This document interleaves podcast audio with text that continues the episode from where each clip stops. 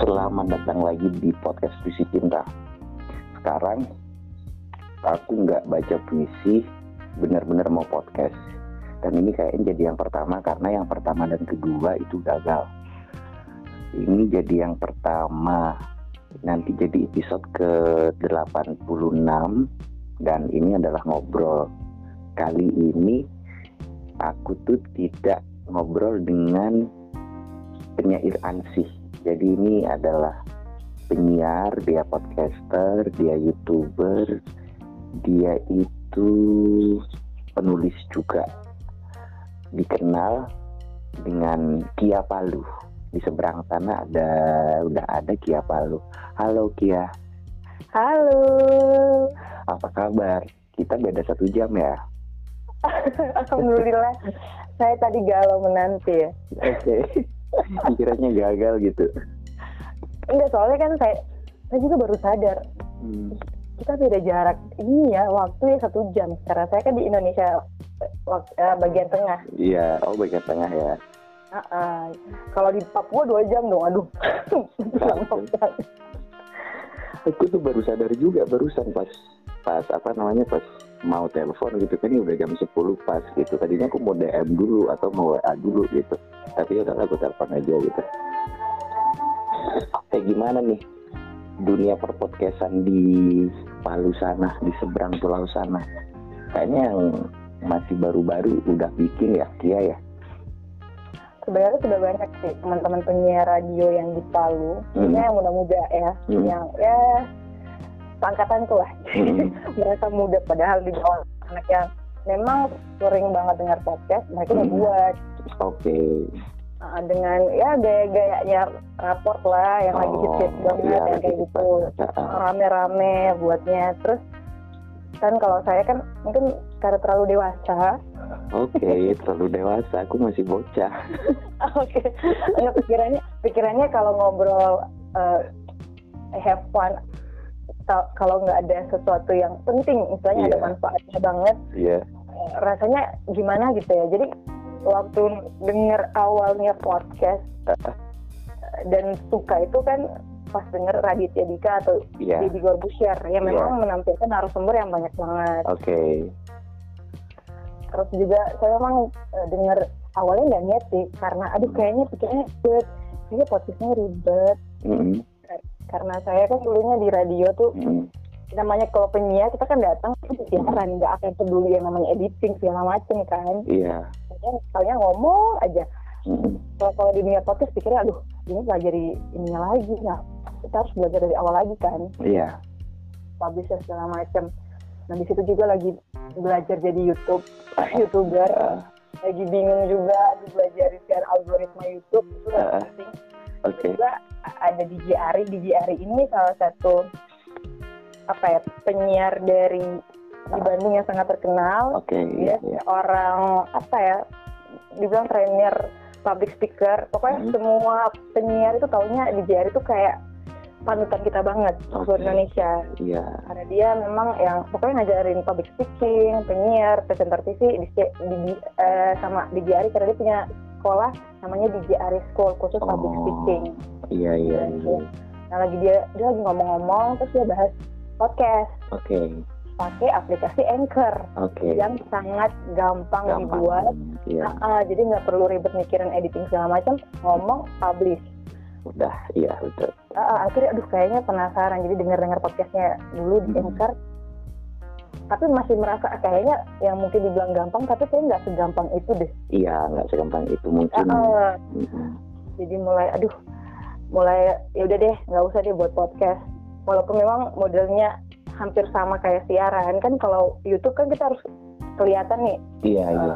Video kan ada visualnya. Oke. ribetnya kan harus dandan namanya cewek ya dandan paper segala macam properti kalau podcast memang kayak siaran di radio audio Iya, saja kan Kayak radio benar. Berarti sudah terbayarkan ya kerinduan kamu siaran dengan adanya podcast, dengan kamu bikin Bener. podcast. bener saya tiga tahun loh off Tiga tahun. Iya dari Oh, tahun 2017 ya. Oh, oh, saya saya itu terakhir on air tanggal 25 Desember pas Hmm. Natal Hmm. itu saya saya bawa bayi saya satu bulan Oke. siaran bareng bayi yang tapi itu mikirnya aduh kasihan banget ya bayinya di bawah walaupun kalau di radio itu enak sih kita di, di studio itu nggak ada yang ganggu kita Iya. sendirian sama bayi tapi pasti apa ya kayaknya kurang strek aja sih ngeliat juga Hmm. orang mungkin agak risih ya kita bawa bayi iya iya bayinya juga nggak nyaman kalau kita siaran sampai tiga jam. Iya benar Dan itu ya udah kayaknya udah off off dulu siarannya kayaknya harus di rumah aja deh.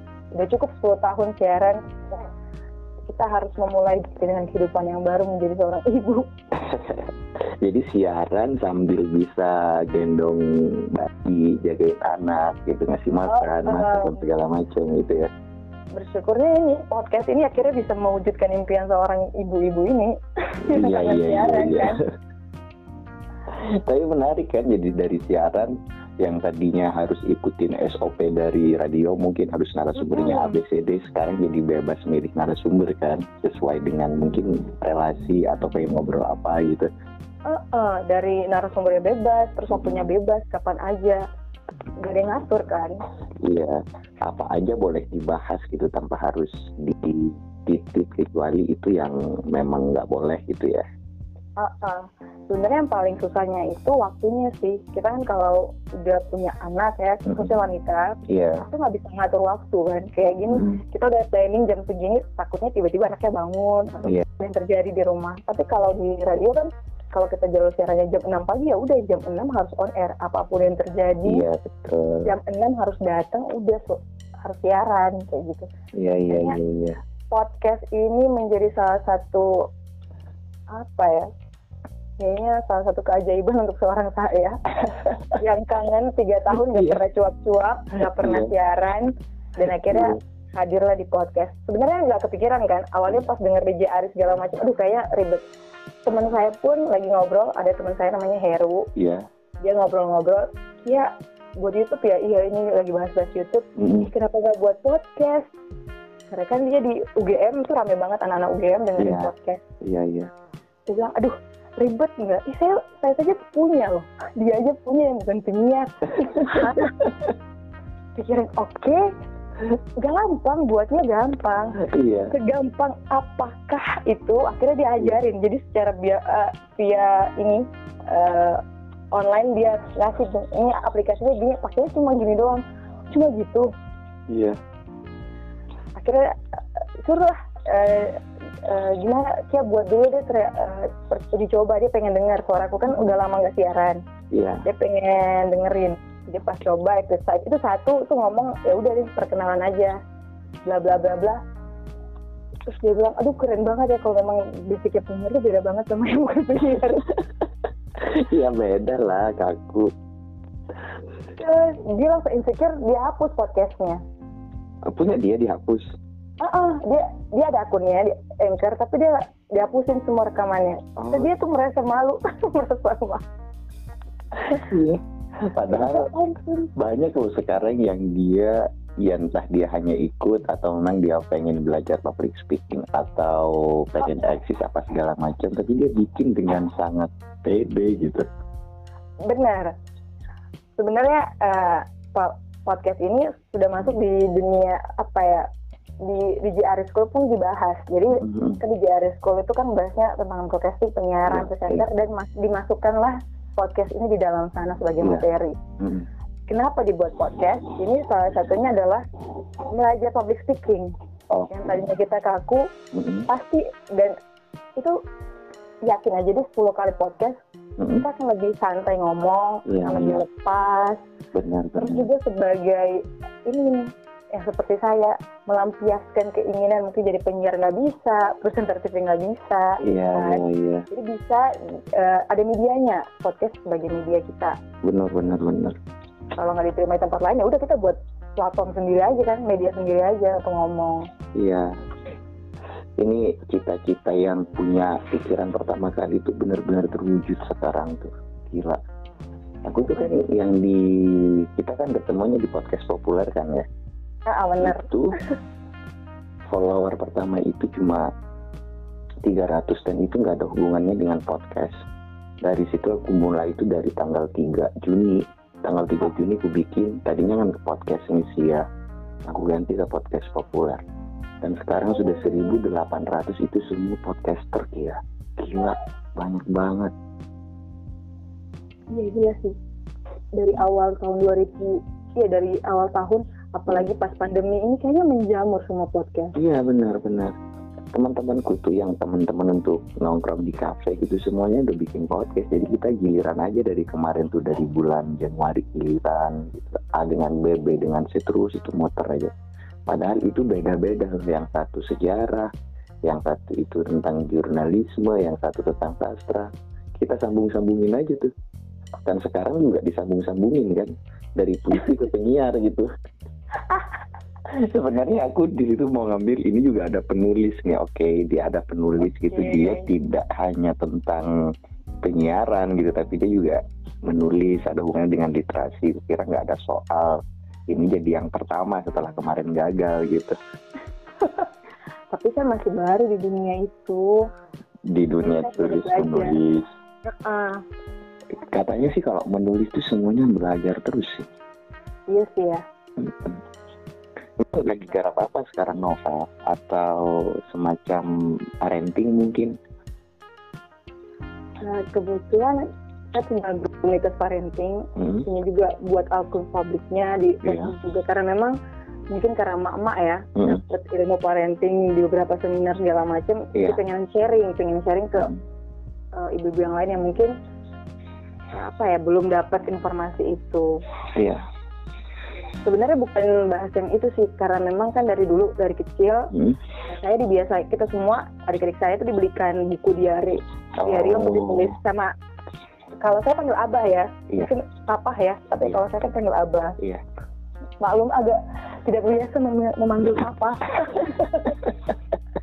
agak kaku kalau panggil papa Iya iya iya. Eh, Menarik Abang- sekali. Ah, ah, Dari soalnya kecil. abahku ini eh, dia suka nulis Hmm. karena kakeknya atau eh, bapaknya juga Hmm. abangnya abahku juga kan suka nulis jadi dia punya buku setiap Hmm. anak yang lahir dia ada misalnya ada bapakku lahir nih Iya. dari dia lahir terus dia Iya. tulis semua perjalanan anak itu Wow sampai dia SD. Iya. dan pas SD pas besar diberikanlah buku itu ngerti nggak itu Iya, iya, gimana iya, ya iya. perasaannya ya semua Iya, iya. kita kita yang dari lahir ada foto-fotonya juga ditampilkan di situ jadi Wah. eh, abahku tuh bersaudara ada lima orang jadi Iya. ada lima buku Ada lima Oh. buku yang dibuat walaupun ditulis dengan tangan kan Iya, iya. biar Tapi itu diberikan harta karun Oh, itu. amazing banget itu ya Iya iya iya. terus saya lihat itu itu abahku nggak pernah ngomong sih nggak pernah ngomong itu cuma dia memang selalu ngasih tiap tahun kalau ulang tahun tuh SD dikasih Hmm. lagi bukunya buku Hmm. diary kalau udah full jadi saya punya beberapa tulisan Hmm.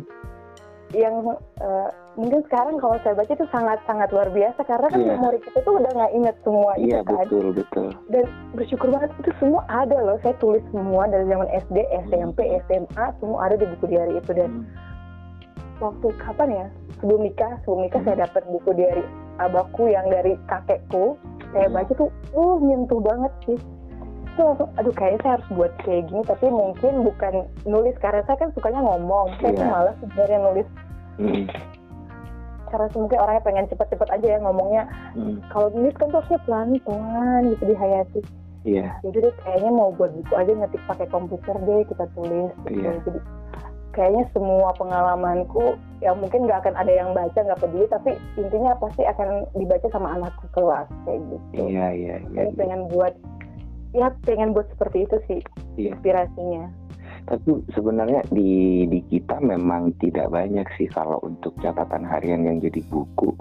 Kita Hmm. paling kenalnya kayak catatan Ahmad Wahid mungkin terus catatan seorang demonstran Sohogi. Sebenarnya banyak juga yang seperti apa ya kakek ya kakeknya Kia ya banyak yang menulis cuma karena tradisi penerbitan yang semacam pengalaman hidup yang diterbitkan memang sedikit. Beda dengan di Eropa kalau di Eropa kan banyak. Pengalaman Ah. pribadi gitu dia tulis. Bener kecuali toko toko yang terkenal misalnya Habibie kan. Beda Iya, lagi. akhirnya dicari eh, akhirnya kan dicari kan dicari semua tulisan tulisannya yang dulu. Siapa Iya. tahu 10 tahun ke depan kita nggak tahu kita akan jadi apa apakah kita dicari? Ya udah tulis aja dulu kan. Iya semuanya Kan? pasti dicari ya kayak aku bilang tadi itu kayak jadi harta karun gitu loh. Harta karun walaupun nggak ada yang cari minimal anak saya mencari. Iya minimal dan dia tetap jadi sumber inspirasi bagi satu dua orang gitu loh. Sebenarnya bukan inspirasi aja sih yang saya pikir gini kita nggak tahu hidup itu sampai kapan kan. Mm-mm.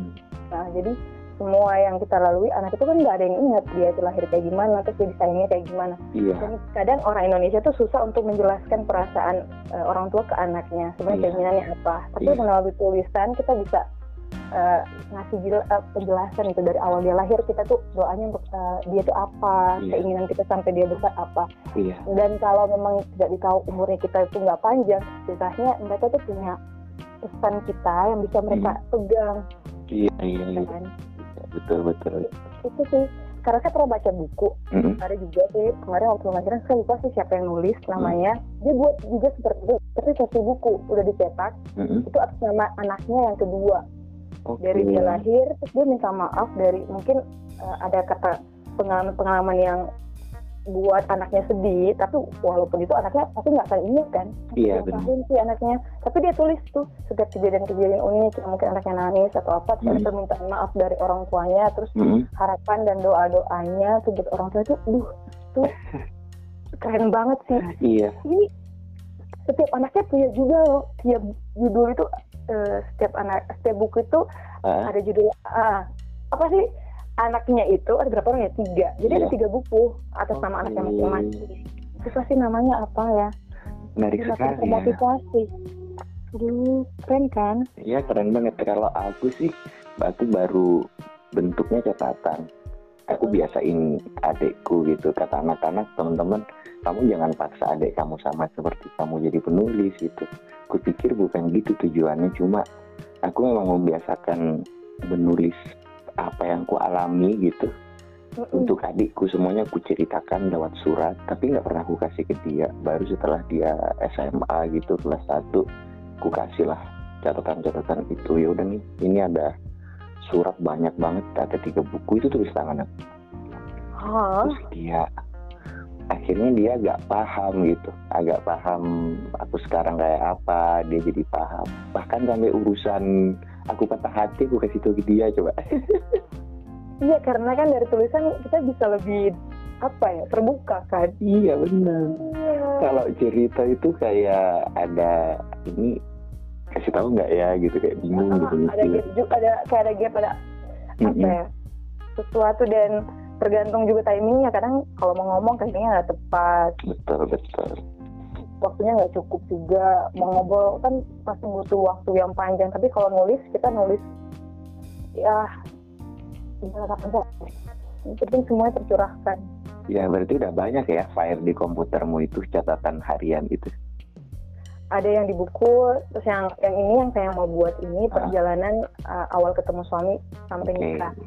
Menarik itu yang lagi uh, yang lagi aduh mudah-mudahan selesai sebenarnya tuh harusnya selesainya lebaran kemarin tapi karena covid pikiran udah nggak jelas iya. nulis udah nggak konsen ya udah deh.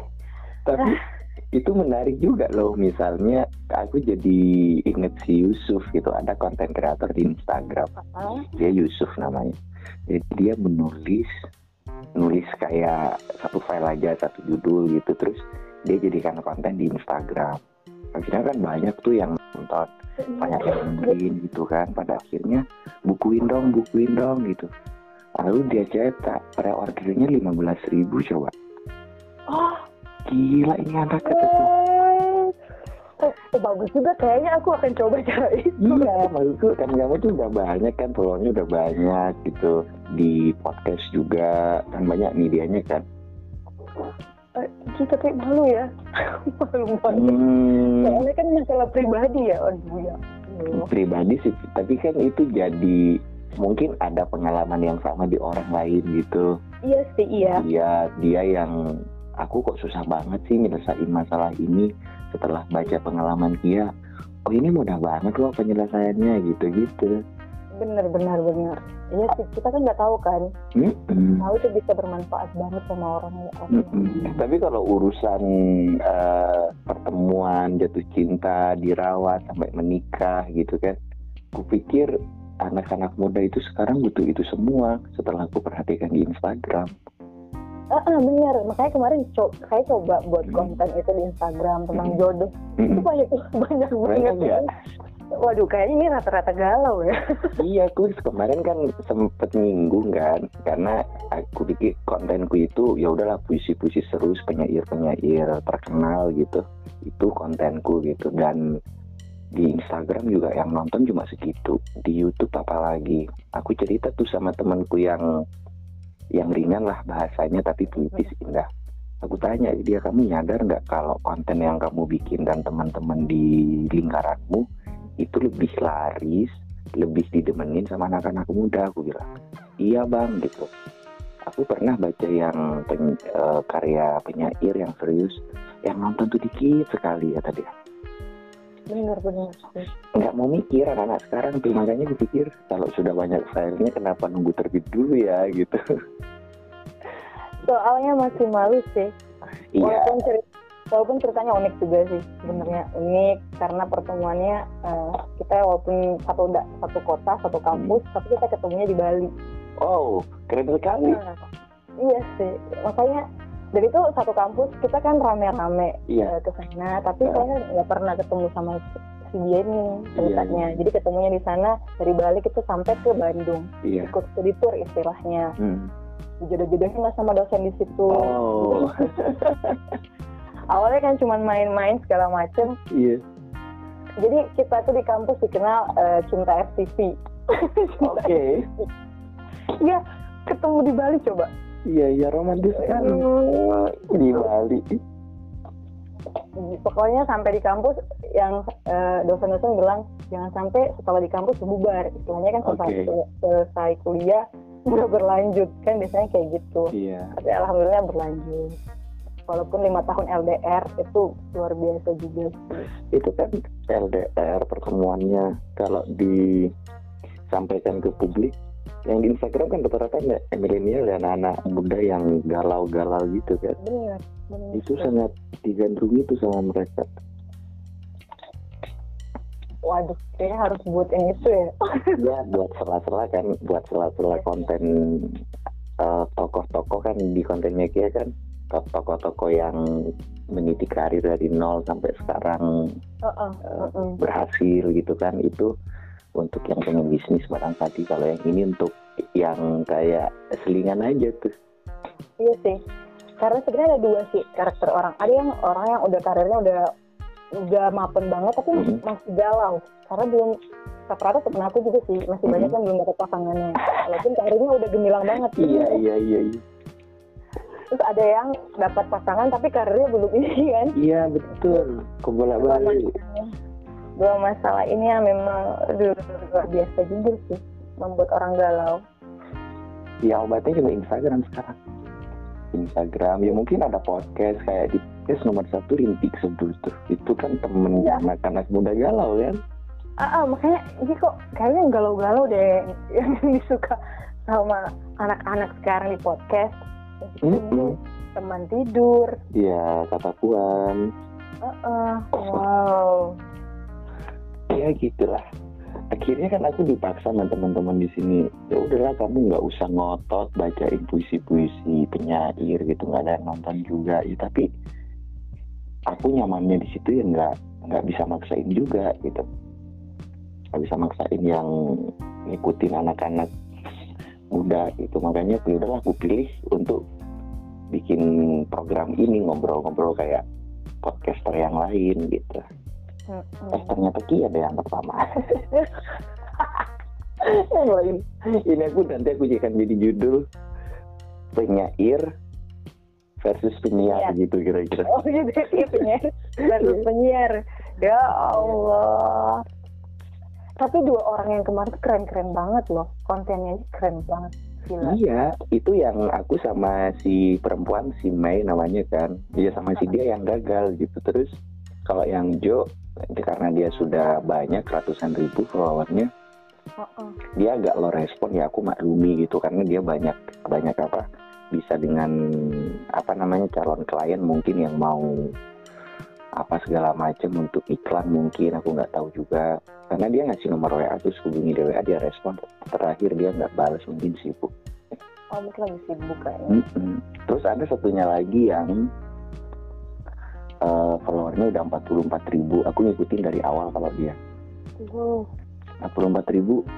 Jadi aku 2000 nggak naik-naik dia udah 44 ribu. Padahal bikin akun lebih dulu aku kalau nggak salah kalah banget tuh. Kalah konten bukan kalah usia bikinnya enggak tapi kalah konten. Anak-anak muda nggak suka yang aku baca itu nggak suka. Iya sih selera. Tapi ada triknya loh. Makanya saya baru belajar juga nih. Trik Oh, iya. makanya ikut kelas Instagram marketing. Iya Biar- betul. biar paham kan. Oh, oh ternyata algoritma Instagram kayak gini kita Iya. harus mengikuti. Gitu. Ada nggak mau sih. Tapi ya teman-temanku eh, iklan apa iklan aja selingan sedikit. Dia kerjaannya di iklan sama di biasanya kalau kamu nemu di Palu Palu Explore gitu misalnya atau wisata Palu gitu. Teman-temanku Iya. mainnya di situ. Mulai dari Jogja Surabaya Malang Bandung Semarang Jakarta Bali teman-temanku semua. Rata-rata. Kata-kata fotografer kayaknya. Mm-mm, ada yang fotografer. Ada yang memang dia peternak akun oke Memang, A- akun publik ya kerjanya ya Iya, kayak ada di Jogja tuh. Wow Jogja itu punya temenku. Sekarang followernya udah 1 juta lebih gitu. Gila. wow ah itu susah banget sih Sat- yang penting konsisten Iya. konsisten dan ikuti aja caranya mereka kan sekarang algoritma Instagram udah berubah banget dari yang tahun lalu udah berubah lagi Berubah lagi ya? berubah makanya kemarin saya beli bukunya udah ada berapa Hmm. Itu buku apa baca ya? Buku ya? buku-buku Oh buku. buku yang mahal banget sampai dua jilid ya Allah Mm-mm. udah dibaca ternyata pas dapat informasi teman aku juga yang punya akun publik ya sekitar 200 ribu followersnya yang untuk so- dia akunnya soal Palu dia Iya. dia cerita Kia udah berubah lagi Kia hah aku baru belajar ini berubah lagi oh ya ampun. Ya udah ikut kelas online aja gitu. Di kelas kelas online kan dia materinya akan eh, update terus gitu. Iya, betul. kalau kita nggak pilih mentornya yang cocok dia akan update terus eh, ilmunya. Kita tuh akan tahu terus eh, oh aturan barunya kayak gini. Sama kayak YouTube. Itu kan berubah juga. Berubah, jadi, berubah. jadi kita harus setiap hari belajar lagi. Iya belajar. Aku belajar YouTube dari 2016 sampai sekarang masih ya gitu-gitu aja. Banget 2016 ya. Tadi anak-anak di sini teman-teman pada belum bikin gitu. Aku udah mainan YouTube. Ya gitulah merangkak-rangkak sampai sekarang. iya harus tapi kemarin saya podcast sama seseorang waduh dia cuma buat enam bulan udah naik udah monetize Apa podcast? Ah YouTube. YouTube YouTube Ya karena aku udah belajar ini, belajar algoritmanya. Kalau udah ketemu mah gampang. iya ya Iya. belum dapat saya yang malah emang harus konsisten sih buat konten Iya konsisten intinya konsisten aja gitu kalau di YouTube. Tapi ini di podcast itu kayaknya di, di Anchor punyamu nggak ada iklannya yang memang nggak diaktifin. emang nggak ada kan baru juga sih Ada, eh, itu kan kalau mau diaktifin gitu cuma eh, apa namanya? Nggak bisa nggak bisa ini nggak bisa apa namanya? Nggak nggak bisa kita ambil karena dia harus punya account Stripe namanya dan itu terbatas negaranya Indonesia belum masuk. Oh gitu. Itu kayak di podcast itu kan ada pengantar kan? Kayak pengantar gitu tuh iklan sebenarnya bukan pembuka. Oh gitu. Ya eh oke jadi tinggal tambah sponsor ya sponsornya trailernya itu di trailernya itu kan aku kasih cuma nyebut satu kata anchor di trailer itu itu udah jadi iklan tuh oke By the way Kia, ini namanya kok unik sekali ya. Kayaknya kamu yang punya palu gitu loh. Iya kan? Aku pikir ini, ini yang punya palu kayak kataku. enggak sih kan apa ya eh, dulu abangku kan dia kuliahnya kan di eh, sempat kuliah di luar lah. Oke, di Australia. Iya, namanya itu Zak terus belakangnya Palu. Oke. kan namaku Zakia. Iya. abahku juga Zakir agak mirip-mirip. Iya. jadi Zak Palu. Jadi aku keinget ke terus namanya itu. Jadi ah, jadi bisa jadi icon juga sih kalau temenan kita sama orang-orang di luar Iya. kota ya jadi kalau ingatnya Palu pasti ingatnya Kia itu Oke, ya. Oke, Menarik jadi sekali. gue Kia istilahnya kalau orang ingat Palu ingat Kia Iya, jadinya aku "Ih, Palu, Palu, kok Kia terus ya gitu kan. Pasya Palu. dong Iya, Pasya aku tadi mau mikir, aku kok nggak Pasha aja ya, kok jadi Kia ya gitu kan. Ya karena Pasha, Pasha ungu gitu. Iya kan kan Pasya bukan Pasya Palu Kalau di. Palu namanya nama asli Pak Sigit Purnomo Sya- Said Iya, iya. Iya, benar benar. dan jadi branding juga sih karena kan eh, kemarin bencana orang jadi lebih kenal Palu kan oh Iya, benar. Palu jadi pas dengar nama Kia Palu, wih ini yang kena korban kemarin ya. Hmm. Pasti pertanyaannya kemarin waktu gempa di mana Kia, waktu Hmm. tsunami di mana? Mm-mm. Oke, jadi eh, lebih terkenal lah. Iya, iya, iya, iya. Tapi kena kamu, kamu jauh apa di ada di mana waktu itu, waktu bencana itu? Saya di Palu. Oh di Palu ya. Tapi nggak itu ya. Semua daerah bukan cuma Palu, Sigi, kabupaten yang lainnya Hmm. semua merasakan kekuatan gempa itu kan. Oke. Tapi eh, eh, masih beruntungnya saya di rumah saya itu bukan di bagian patahan. Oke. yang Ya. bukan lewat sesar Palu Koro itu. Jadi kalau yang apa ya lokasi rumahnya di Patahan itu pasti tanahnya amblas gitu, Hmm. rumah-rumah hancur gitu, terbelah. Tapi bersyukurnya di rumah saya itu utuh, cuman pagar depan rumah aja yang roboh, rumah semut yang masih utuh. Tapi mama saya eh, kena tsunami. Oh, tapi aman kan? Selamat kan? Alhamdulillah selamat. Dia bertahan menerjang tsunami. Dia cuma berpegang di tiang Iya. yang bangunan TVRI Oh. sampai eh, kakinya tuh robek ada berapa jahit Iya, iya. robek karena harus bertahan eh, kan tiga kali tsunami tiga kali apa ya gelombangnya itu datang tiga kali Iya. dengan ketinggian belasan meter Mm-mm. dengan material ada mobil ada segala macam jadi mama itu kayak kejepit mobil gitu loh Mm-mm. harus bertahan dan melindungi satu anak jadi dia ada anak yang hanyut Mm-mm. ditarik dia pikir kalau dia mati hari itu setidaknya dia bisa melakukan apa ya amal terakhir gitu Iya, Dia iya, lihat- iya. dia ingat anak-anaknya di rumah kan kita semua kan di rumah. Jadi dia nyelamatin tuh anak sambil pelukan di tiang sampai selesai tsunami baru mereka lari Oke. itu bener-bener kita nggak nyangka juga bisa selamat sih karena semua mayat kan Iya, iya, iya. banget mayat tuh ya ampun kalau Keajaiban keajaiban Mm-mm. itu malam eh, kan kejadiannya maghrib Ah. maghrib jam 6 Mm. Eh, terus itu eh, kan memang di situ lagi ulang tahun kota Palu kan itu Hmm. lagi festival besar besaran Mm. yang hari itu mama aku kerja di dinas pariwisata Hmm. yang memang tugasnya menyambut semua tamu-tamu dari luar kota yang Iya. datang Mm. jadi jam setengah enam itu abahku dan mamaku ke pantai abahku Hmm. nganter mamaku Mm. karena dia harus ngecek lokasi untuk acara pembukaan besok ceritanya ya Mm. Jadi abahku eh, antar mamaku terus abahku pergi ke masjid tuh nggak jauh dari Oh, pantai. Iya, iya. ternyata pas di masjid mau sholat maghrib gempa. Pas abahku mau jemput kembali udah nggak bisa. Jalanan udah penuh udah full. Oke. itu udah panik kan. Terus itu jaringan masih ada kita masih se- sempat teleponan. Eh, abah di mana dengan mama? Ini lagi jemput di pantai katanya tidak bisa. Iya. jalanan semua tutup. Terus mobil semua banyak yang kebalik-kebalik. Mm. gitu kan Eh, intinya yang penting kalian eh, semua bisa selamat Eh, abahku lagi mikir gimana cara pulang karena itu susah banget kan udah lewat mobil nyari Hmm. jalan itu bisa keluar dari jam Hmm. 6 itu abahku tiba di rumah Mm. jam 8 malam Mm. padahal biasanya 15 menit sudah sampai Nyampe ya. Heeh. itu kan Palu kan kecil sih nggak sebesar kota-kota lain Iya, yang biasanya 15 menit jadi tiga jam di jalan gila ya. itu gila sih selama tiga jam tuh gempanya terus-terusan. Tiga jam nggak ada berhentinya kayak apa tuh? Ngerasain itu. itu gempanya ada terus. Selama tiga jam. Tiga jam. Aku pingsan kayaknya kalau di situ. kalau pas situasi itu itu pingsan kali. Lo paling takut gempa. Itu kita mau eh, mau pingsan.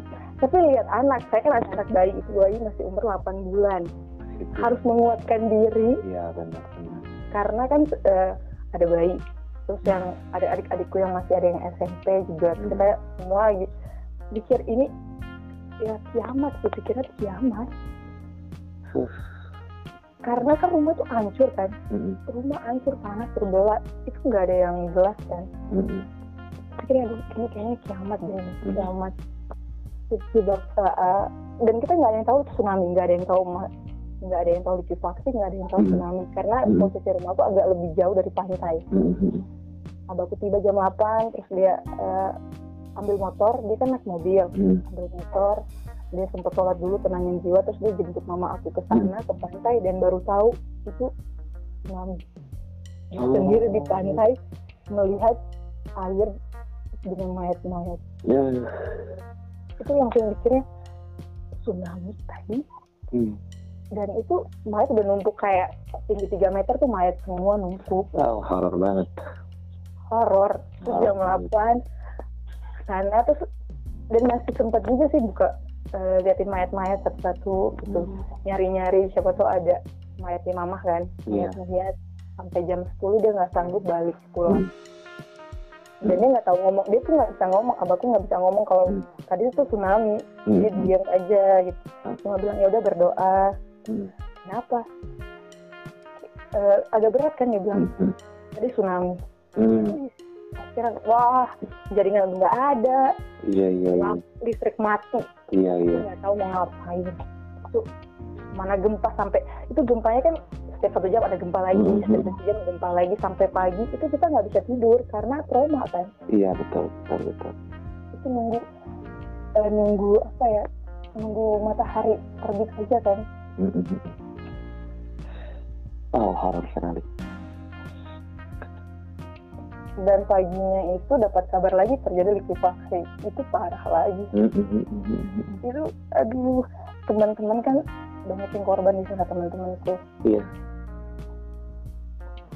Dapat kabar tuh kayak tapi masih suka ini nggak sih? Masih suka apa namanya? Kayak trauma ada getaran sedikit gitu trauma itu gempa gitu. kalau di Palu ditanya tadi itu masih ada gempa. Barusan masih ada gempa. Barusan? Eh, eh, Palu itu sebenarnya adalah kota paling rawan gempa. Oke. Kalau di peta zonasi gempa Indonesia dia memang zonasi warna merah. Oke. Karena kan ada sesar Palu Koro jadi Hmm. kalau misalnya di Aceh nih Aceh ini gempa Hmm. pasti akan ada gempa juga di kita. Karena kan sesarnya itu apa ya nyambung gitu loh. Ada ada sesar apa gitu yang nyambung ke kita jadi kalau ada gempa di Aceh kayak dulu Hmm. tsunami Aceh Iya.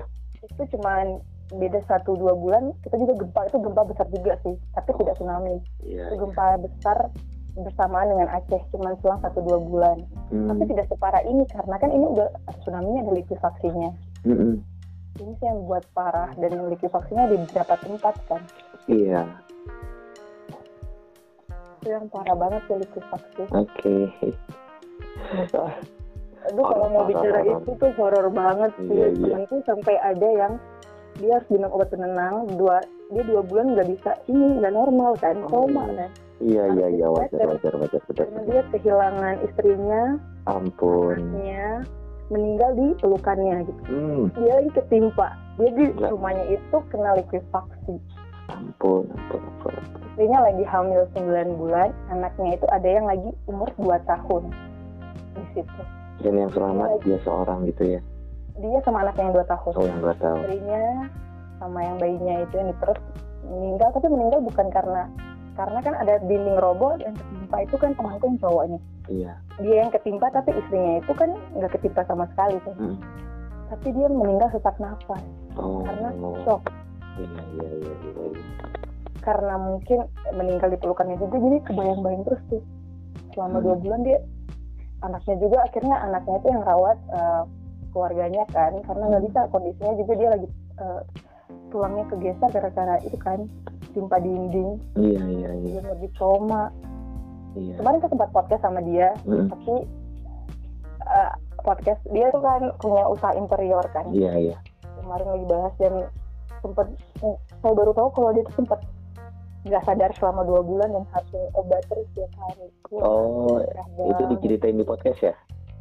Soalnya kan selama itu gini ya kalau sesama orang Palu kita kayak nggak mau membuka luka lama. Iya, iya, iya, iya, iya, iya, iya. kalau kita tanya tentang itu pasti mereka teringat lagi kejadian. Itu itu traumanya aduh nggak gimana ya yang tadinya diingat istrinya lagi ingat rumahnya hancur semuanya nggak ada yang tersisa cuma dirinya doang dirinya doang Mm. harta semua nggak ada Iya, sama baju baju di badan itu udah penuh tanah kan iya. Terus dia kemarin sempat cerita, kuat dia Cerita?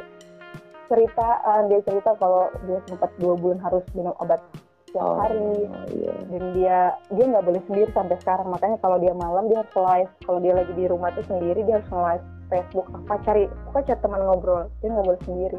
Oke. karena selalu akan keinget. Apa mungkin malam itu paling keinget sih. Karena kan saat jumpa itu kan posisinya malam kan? Iya, iya, iya. dekat di malam hening-heningnya. Apalagi kalau duh tiba-tiba listrik padam. Iya, iya, benar. kalau di sini listrik padam orang panik. Iya. Langsung klik pasti langsung connect ke sana. Apa koneknya padam maghrib hari Jumat itu langsung pikirnya ah apa yang terjadi lagi? Iya, iya, apa iya. yang terjadi lagi? Itu mudah-mudahan tidak sih. Lagi akan terjadi ya Allah Ya, jangan sampai. semoga nggak terjadi di Palu dan di mana pun? Deh Iya, cukup Palu aja deh. Benar, benar, benar, benar. Mm-mm. By the way, ini Mm-mm. wanita bisa sukses ini nama disengaja dibikin nama begitu di sengaja untuk menyemangati wanita yang ingin menyemangati diri sendiri. ah sebenarnya menyemangati diri sendiri tapi setidaknya kalau memang ada yang lagi nyari-nyari searching dia pengen sukses untuk sukses eh, muncullah diriku setidaknya bisa memberikan sedikit informasi dan Oh. motivasi Ini strategi algoritma Instagram. Ya salah satunya itu Iya. itu Tapi isinya emang ini sih orang-orang sukses semua sih ku aku simak gitu. Ah, ah.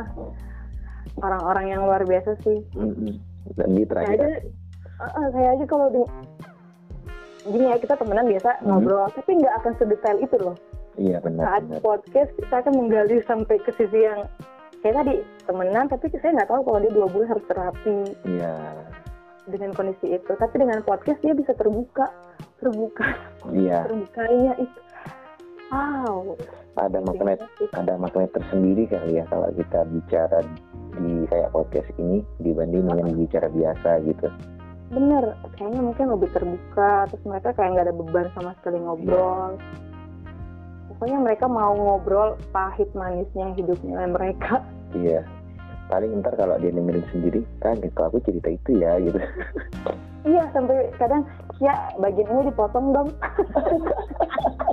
request oke Iya. oke karena kan keceplosan terus Iya segala, benar-benar. segala aib segala aib Iya. dicerita Bener-bener. Waktu itu aku sempat juga sama temen tuh. Malah dia yang tanya, yakin ini mau dilanjut itu? Ya udah nggak apa-apa bilang. Kacau. Nggak tahu ya kok bisa sebebas gitu ngekspor ya kalau di media ini ya. Heran juga gitu. itulah bedanya podcast dengan media lain Oke. sama kayak radio sih radio itu kan keras- rasanya kayak intim banget kan penyiar pendengarnya Heeh. jadi seakan-akan dunia kayak milik mereka aja Oh iya, kayak iya kayaknya. bener kan Mm-mm. Ini nggak kerasa tuh aku teman-teman tuh kalau udah bikin gitu bikin konten. Kadang dia nanti janjian sudah nanti kita ngobrolnya 15 menit sampai 20 aja ya gitu. Oke. Nggak akan bisa. Sampai satu jam. Iya satu jam nggak nggak kelar gitu ngobrol. Ada lagi ada lagi. Kadang-kadang memang teman-teman biasanya nyiapin pertanyaan karena dia ada yang sejarah gitu kan. Pertanyaannya itu nggak kelar separuh kadang-kadang. Udah habis tuh waktunya itu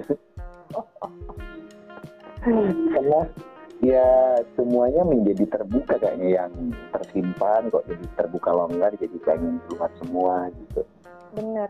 Dan kalau yang saya rasa sih ya Hmm. saat kita ngobrol dan terlepas banget ngomongin kita tuh kayak rasa beban tuh kayak hilang. Iya. Nggak ngobrol sepanjang itu selama itu tiba-tiba kayak long aja gitu. Kayak, iya. kayak ada beban yang tiba-tiba hilang. Rasanya ringan jadi semangat lagi Iya. Hmm, bener banget sih podcast ini sangat dibutuhkan semua orang. Iya bener sangat dibutuhkan semua orang gitu.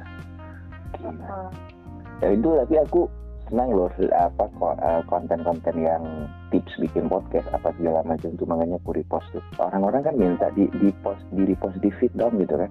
Ya aku bilang nggak bisa itu kan eh, nggak bisa semuanya kita repost gitu kalau di story mah bebas tapi kalau di feed itu hanya tertentu aku bilang Oke. iya tapi ini kayaknya kalau dilanjutin memang setejam nggak cukup loh ya Iya sih, nggak cukup. lagi pula di situ sudah mau jam 12 kan iya. udah mau jam 12 di situ kalau di sini masih jam 11 kurang jam 11 kurang Iya sekitar 10 menit lagi jam 12. Iya. makanya sebelum jam 12 kita mesti mengakhiri ini gitu Oke. aku pengen kamu ngomong sama dari dari penyiar ngomong ke pendengar pendengarku mau ngomong apa nih yang terakhir? Em, ngomong apa ya? Iya apalah apa satu kata dua kata tiga kata?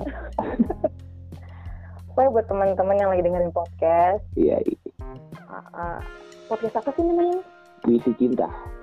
Wih, aduh, aduh, langsung tiba-tiba melo aku ya ampun. Artinya tapi nggak ada melo-melonya loh Iya nggak ada, ini malah horor loh. iya horor. Tapi eh, teman-teman mungkin yang lagi bosen, lagi ada masalah atau Hmm. lagi ada apa gitu kan, Hmm, yang eh, yang tiap pengen ngasih tahu ngobrol aja sama orang. Minimal kalau memang nggak ada yang temenin ngobrol, buat aja podcast. oke Itu akan bisa membuat teman-teman lebih lega karena semua beban yang ada itu bisa tertuang di situ. Tapi kalau memang nggak bisa ngomong sama orangnya, misalnya memang pendiam, nulis. Karena saya pernah eh, ikut kelas gitu ya, Hmm, gimana cara menge- menge- meng- mengolah emosi, apalagi kita lagi sedih, ada Hmm. trauma juga.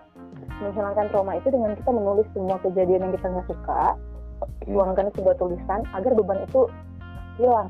Istilahnya setengah hilang lah iya iya itu bisa menghilangkan trauma juga. Jadi dengan kita menulis itu, satu itu jadi catatan sejarah juga di bagian hidup mungkin bagian kelam-kelamnya ya. Tapi itu juga bisa mengeluarkan emosi kita di situ.